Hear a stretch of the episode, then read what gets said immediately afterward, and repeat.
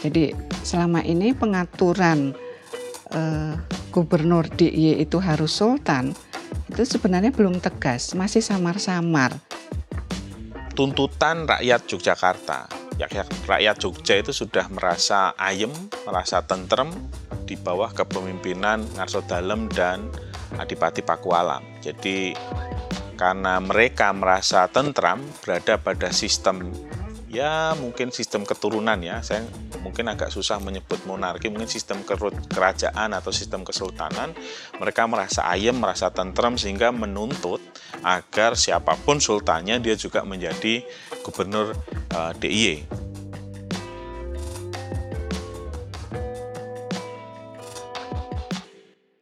Siapa orang Indonesia yang tidak mengenal Jogja? Salah satu provinsi di Indonesia yang dikenal kental dengan budaya Jawanya dan menyuguhkan berbagai macam destinasi wisata yang sudah kerap dikunjungi oleh banyak turis, baik di dalam maupun di luar negeri. Yogyakarta, kata Hedi Dahles, merupakan the cradle of Javanese culture, artinya merupakan pusat dari kebudayaan Jawa. Seperti kita tahu, Yogyakarta merupakan salah satu daerah yang memiliki keunikan yang menarik, yaitu sistem pemerintahan di Yogyakarta menggabungkan antara sistem monarki yang sudah berusia lebih dari 200 tahun dengan demokrasi modern dengan basis pemilihan yang berlaku di Indonesia pada saat ini. Artinya ada beberapa keunikan terkait dengan pemilihan gubernur dan beberapa urusan lainnya. Anda penasaran bagaimana cerita tentang Kesultanan Jogja beserta sejarah singkat dan bagaimana Kesultanan Yogyakarta mampu bertahan sampai sekarang dalam sistem politik yang berubah? Stay tune terus ya.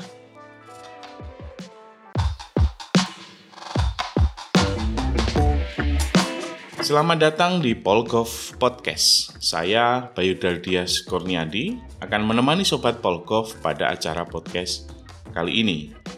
Pada diskusi kali ini kita akan membahas tentang sistem kesultanan, sistem tradisional yang berlangsung di daerah istimewa Yogyakarta.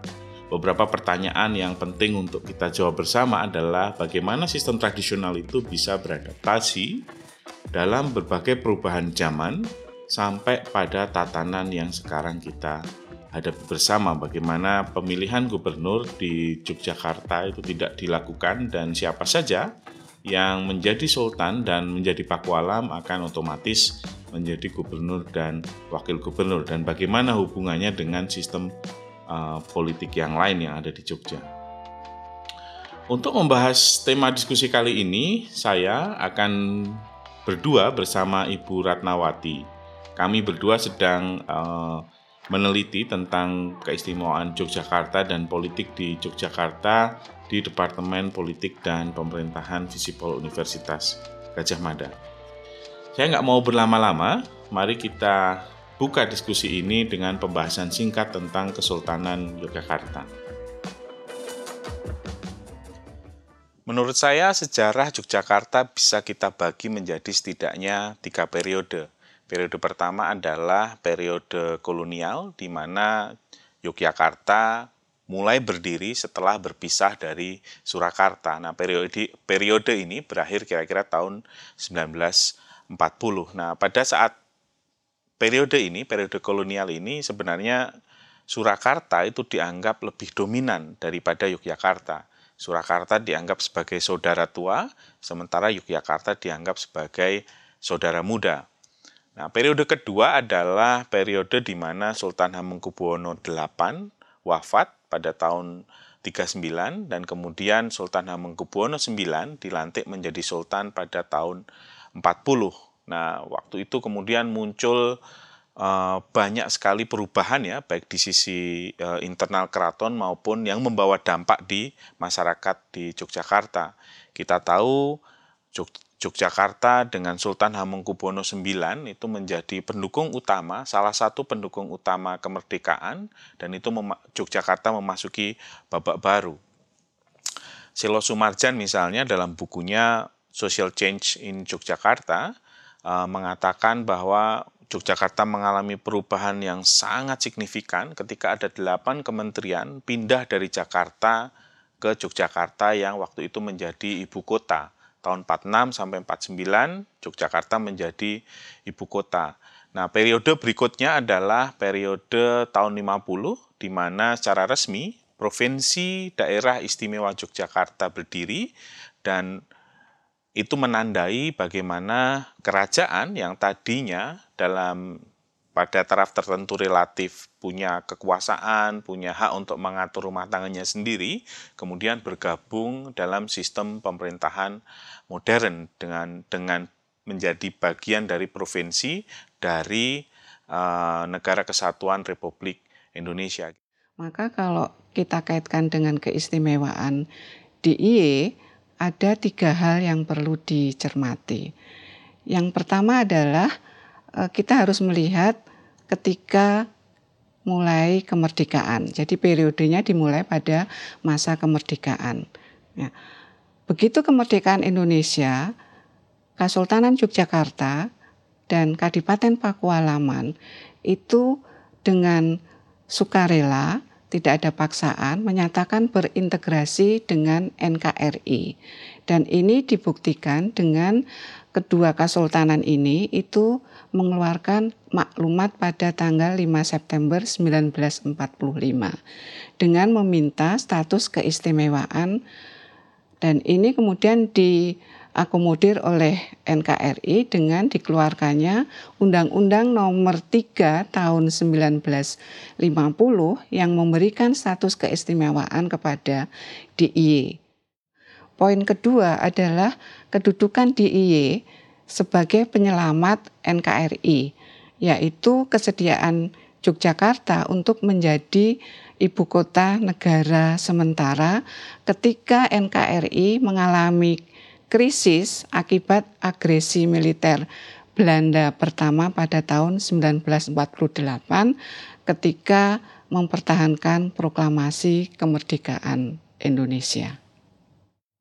Poin yang ketiga atau yang terakhir terkait dengan sejarah keistimewaan DIY kalau dikaitkan dengan Kasultanan dan Kadipaten Pakualaman adalah bahwa DIY merupakan salah satu dari tiga daerah di Indonesia yang tetap menyatakan setia kepada NKRI dibandingkan dengan daerah-daerah lain yang kemudian menjadi negara bagian dari Republik Indonesia Serikat.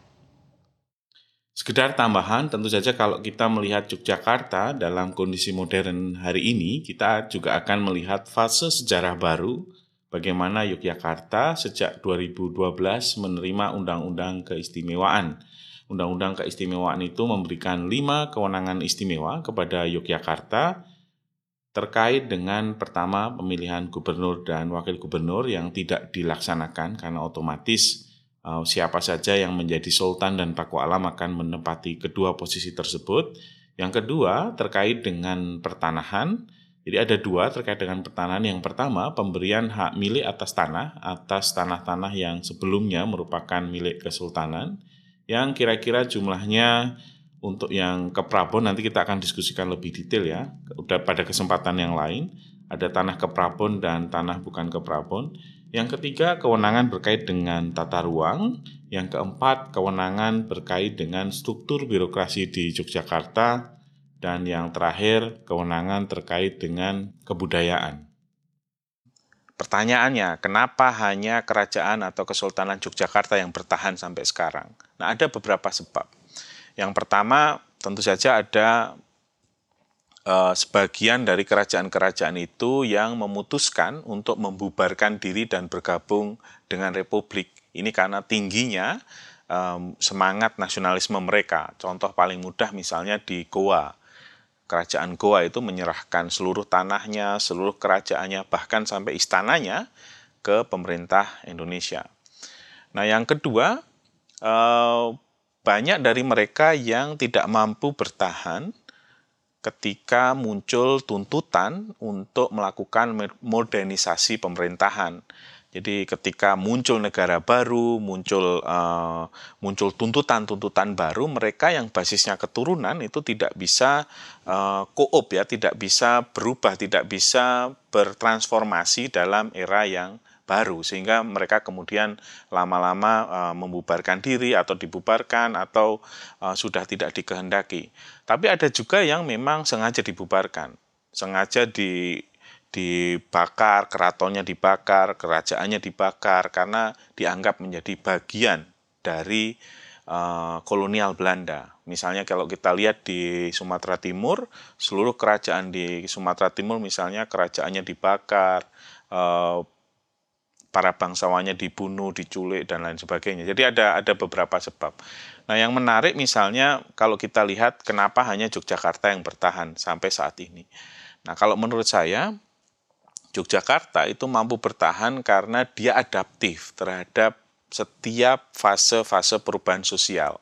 Jadi misalnya ketika muncul uh, muncul penjajah uh, Jepang dan muncul proklamasi kemerdekaan, Sultan Hamengkubuwono IX waktu itu tidak ragu-ragu untuk langsung mendukung republik. Ini beda sekali dengan kesultanan-kesultanan yang lain. Kesultanan Ternate misalnya itu uh, dia malah memutuskan bergabung dengan sekutu dan karena ancaman Jepang kemudian dia dibawa lari ke ke dibawa lari untuk mempertahankan diri di di Darwin di Australia. Jadi jadi kemampuan adaptif inilah yang saya kira menjadi uh, menjadi ciri menjadi ciri dari Kesultanan Yogyakarta dan menjadi sebuah kekuatan bagaimana dia bisa beradaptasi dengan uh, perubahan. Nah, memasuki masa modern ya, Soeharto, kemudian atas tekanan Soeharto, dia juga mampu bertahan dan adaptif. Jadi saya kira ini beberapa hal yang membuat hanya Kesultanan Yogyakarta yang bertahan sampai saat ini. Selain faktor-faktor di atas terkait dengan bagaimana proses adaptasi dan bagaimana penerimaan kesultanan-kesultanan itu ketika masa revolusi ada sebuah catatan penting juga yang perlu kita perhatikan terkait dengan tuntutan yang dibutuhkan dalam negara modern. Tuntutan birokrasi misalnya membutuhkan skill set yang hanya bisa dipenuhi oleh mereka yang memiliki kualifikasi pendidikan tertentu.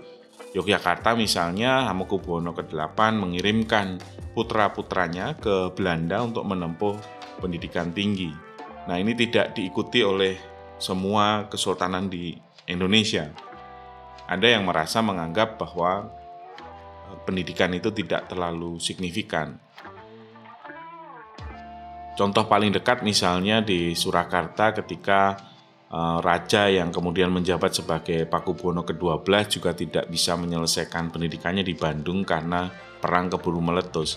Nah, setelah memasuki masa modern ini banyak sekali aristokrasi yang tidak mampu memenuhi kebutuhan bangsa dengan uh, skill set pendidikan tinggi sehingga akhirnya mereka lambat laun tersingkir karena sekali lagi skill set mereka kemampuan berperang misalnya itu tidak lagi dibutuhkan karena yang dibutuhkan adalah kemampuan untuk menata negara dan itu membutuhkan ilmu-ilmu yang hanya bisa dipelajari dalam uh, sekolah modern. Lantas, apakah hanya Yogyakarta yang dijuluki sebagai daerah istimewa. Apakah ada daerah-daerah lain di Indonesia yang mendapatkan julukan yang sama seperti Yogyakarta? Mari kita simak bersama-sama penjelasan berikut ini. Sebenarnya banyak daerah istimewa di Indonesia sejak proklamasi ya. Surakarta itu menjadi daerah istimewa lebih dulu daripada daerah istimewa Yogyakarta. Dia menjadi daerah istimewa tahun 45 tapi kemudian dibatalkan tahun 46 karena ada banyak kerusuhan, terus kemudian uh, patihnya diculik, beberapa bupatinya dibunuh dan lain sebagainya. Nah, di samping itu sebenarnya ada lagi banyak daerah istimewa. Sejak tahun 48 misalnya ada di Undang-Undang 22 tahun 48 uh, di situ disebutkan bahwa daerah yang tadinya istimewa dan rajanya atau kesultannya menjadi penguasa di daerah itu tetap melanjutkan kekuasaannya. Nah, karena hal itulah muncul kemudian beberapa daerah istimewa yang lain, misalnya daerah istimewa Kalimantan Barat, daerah istimewa Bulungan. Jadi di Kalimantan itu muncul daerah-daerah istimewa kecil-kecil yang sama konsepnya sebenarnya di mana penguasa tradisional itu menjadi penguasa daerah uh, di sana. Nah, jadi kalau kita lihat sebenarnya dari rentetan sejarah itu tidak hanya Yogyakarta yang menjadi daerah istimewa, tapi ada banyak daerah istimewa yang lain yang sekali lagi kurang adaptif dan tidak bisa bertahan karena uh, dinamika politik yang terjadi pada masa itu.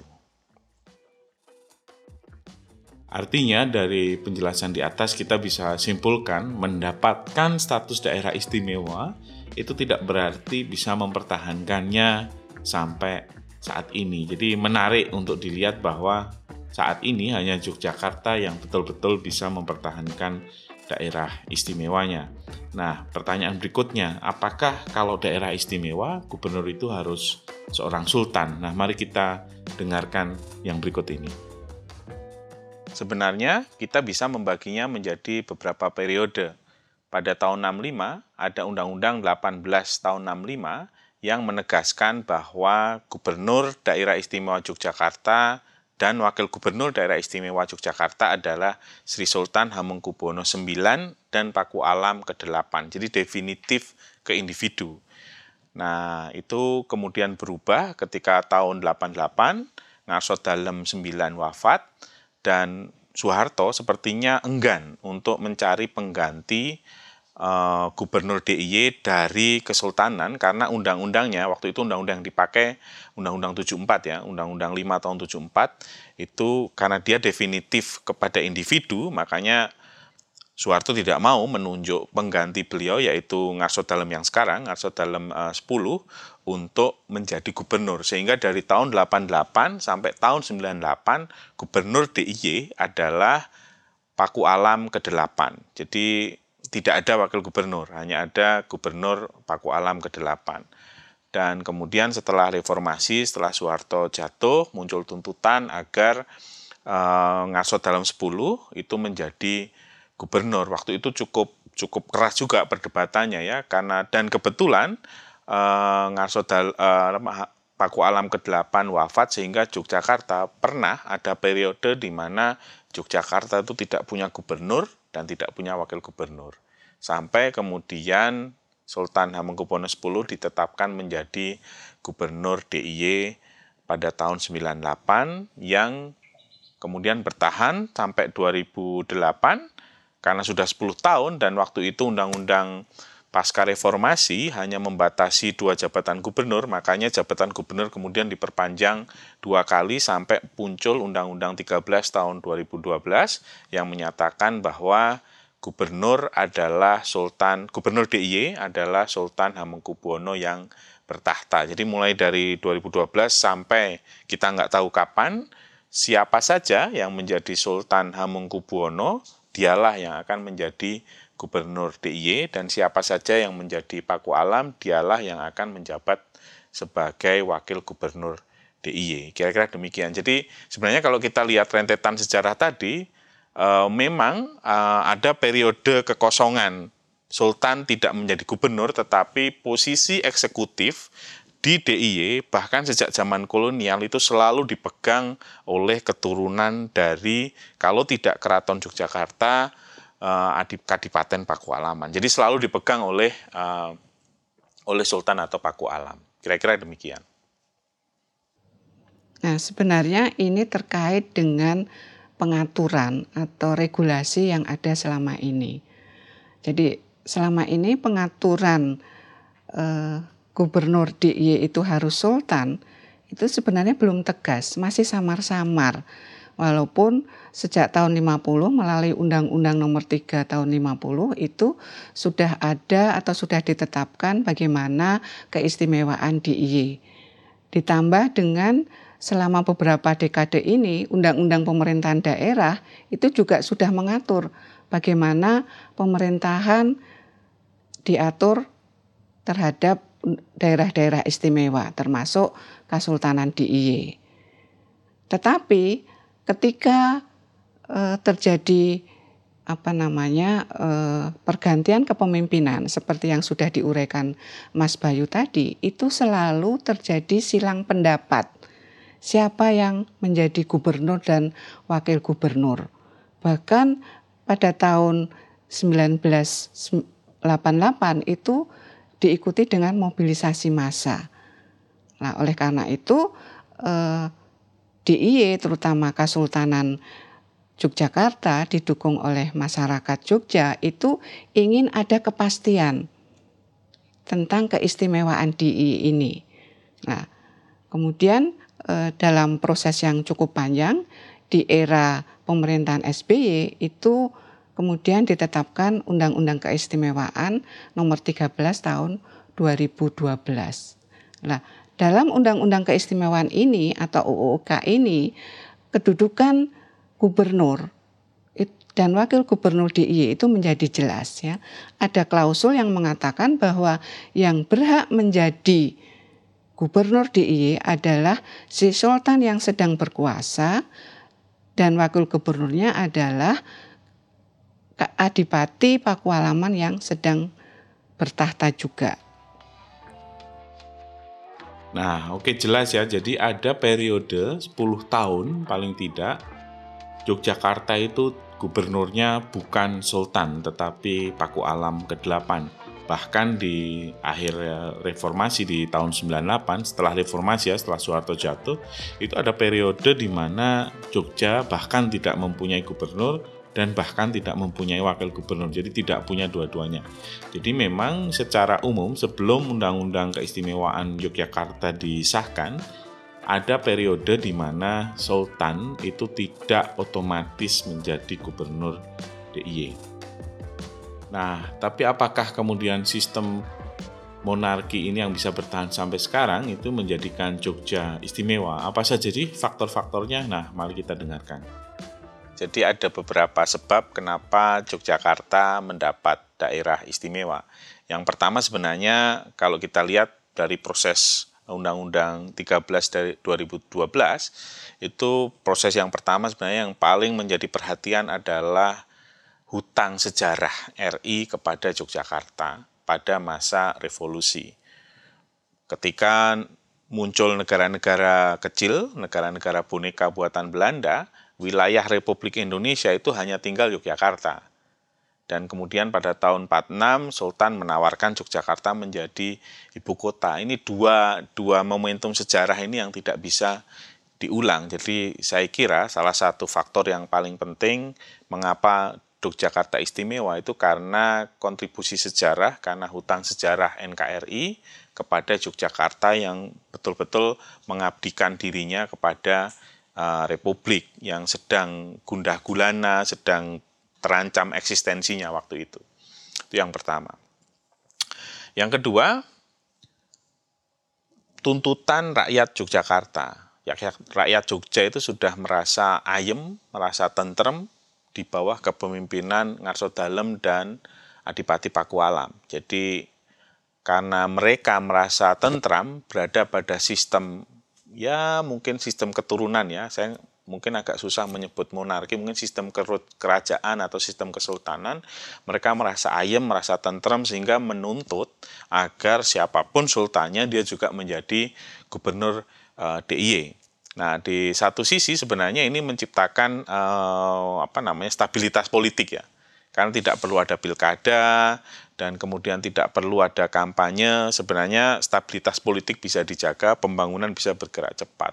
Tetapi di sisi lain muncul juga ancaman terhadap demokrasi karena kekuatan yang tersentralistik menjadi absolut dan di mana-mana kekuatan yang tersentralistik ini punya potensi menjadi ancaman terhadap demokrasi lokal. Nah, dari penjelasan di atas kita bisa simpulkan sebenarnya bahwa ada faktor yang menyebabkan Yogyakarta menjadi daerah istimewa dan juga sepertinya bisa kita lihat di daerah-daerah istimewa yang lain dengan faktornya masing-masing dan tentu saja ada sisi positif dan negatifnya dari sistem yang sekarang diterapkan di Yogyakarta. Nah, pertanyaannya dalam masa sekarang apakah sistem itu masih sesuai dengan perubahan sosial? Nah, mari kita dengarkan. Kalau kita lihat perkembangan paling tidak sejak reformasi, itu saya lihat masih relevan ya. Masyarakat masih senang, masih puas, tingkat ke kepemimpinan tingkat kepuasan terhadap kepemimpinan ngasot dalam juga sangat tinggi, masyarakat ayem, masyarakat tentrem. Memang muncul beberapa uh, protes ya, tapi itu sifatnya saya kira secara general, secara umum masyarakat puas di bawah kepemimpinan sultan. Nah, yang menarik sebenarnya kalau kita lihat secara statistik mayoritas penduduk DIY itu adalah suku Jawa. Jadi lebih dari 90% penduduk DIY itu suku Jawa dan mereka merasa mendapatkan uh, perwakilan identitas. Mereka merasa terwakili identitasnya dengan sosok sultan sebagai gubernur. Dan kalau kita kita bicara perubahan sosial sebenarnya Jogja ini agak agak lambat ya dibanding daerah lain. Dan saya nggak tahu kelambatan Jogja berubah itu juga sepertinya itu diamini oleh penduduk Indonesia atau penduduk Jawa yang lain. Karena mereka ingin Jogja itu ya begitu-begitu aja gitu.